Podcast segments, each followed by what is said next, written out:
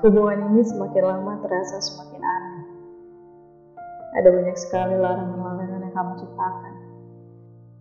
Hingga akhirnya membentuk jarak antara aku dengan duniaku.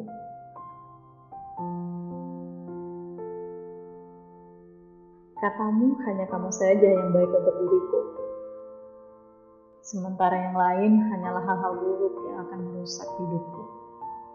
Tapi untuk kesenanganmu aku turuti.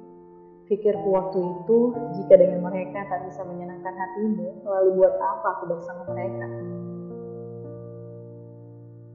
Sementara bagiku, bahagiamu adalah segalanya.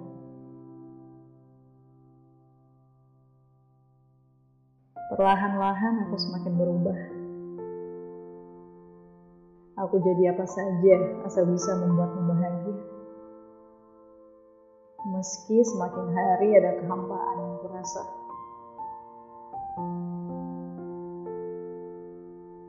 Bukannya aku tidak bahagia jika selalu ada di dekatmu. Tapi setelah aku pikirkan lagi, dunia aku tidak berputar hanya denganmu saja. Aku butuh teman, sahabat, keluarga, dan mereka perlahan meninggalkanku.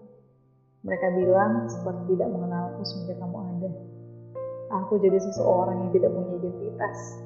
Lama-kelamaan aku jadi semakin takut untuk melangkah jika kamu tidak berada di sekitar.